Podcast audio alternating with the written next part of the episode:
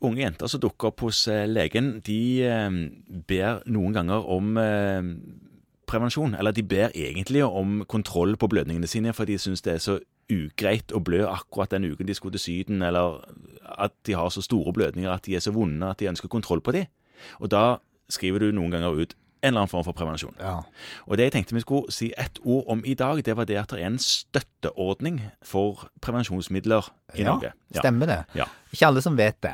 Nei, og det er da litt dumt, holdt jeg på å si, for det- den starter når du er 16. Ja, eller strengt tatt fra den måneden etter at du har fylt 16. Ok. Eh, Så den måneden du fyller 16, nytter ikke å gå på 16-årsdagen din.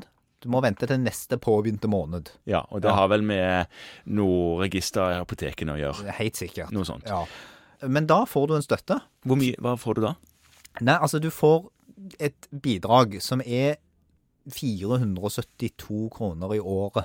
Ja, og en god del p-piller koster langt mindre enn det for Ja, et års Altså, forbruk. det, det blir da 118 kroner for tre måneder. Og det er ofte den mest relevante greia, for den sånn pakningsstørrelse på p-piller er ofte tre måneder. ja. Så hvis den pakken koster under 118 kroner, så er det gratis. ja. Hvor lenge er det gratis, da? Nei, Du får den støtten frem til måneden før du fyller 22. Ja, så til, til du er nesten 22. Nesten 22. Nettopp. Ja. Mhm. Så er det sånn at hvis du har en p-pille som er dyrere enn det, Ja, så får du dette i fratrekk på prisen. Så du betaler mellomlegget. Ja. Men hvis du bruker prevensjon som varer lenger enn tre måneder, altså hvis du bruker, si du bruker en p-stav da, som varer i tre år, eller en spiral som varer i tre eller fem år, ja. Da får du en annen type dekning. Og Da er det sånn at Poenget er at hvis du begynner å brekke på månedsprisene på de der, ja, så er det ikke så mye høyere enn den grunnstøtten. nei, Så det det, det offentlige har bestemt, er at hvis du er mellom 16 og 19, så får du det gratis. ja, Hvis du er 20, så må du betale 256 kroner. mhm.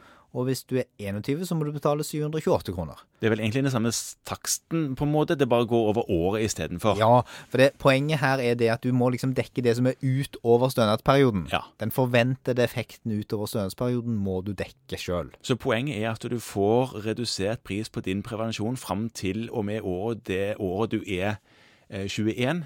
Ja. Ja, Eh, Rett før du blir 22. ja, Da må du begynne å betale for dette selv. da må du begynne å betale selv. Det er fordi at vi tenker, eller ikke vi, staten eller det offentlige tenker at det er viktig at alle disse som ønsker det, og kan bruke det, bruker effektiv prevensjon for å unngå uønskede svangerskap. Ja, for det, det er ikke så dyrt dette i forhold til en uh, uønska svangerskap. Nei. Nei. Og de, de tenker nok ikke på blødningskontroll, Morten.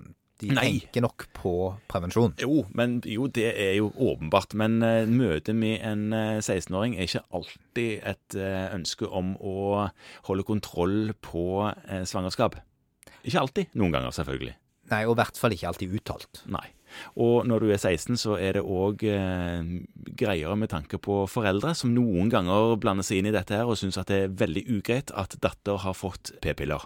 Ja. Men eh, da får man skylde på blødningskontrollen. Ikke sant?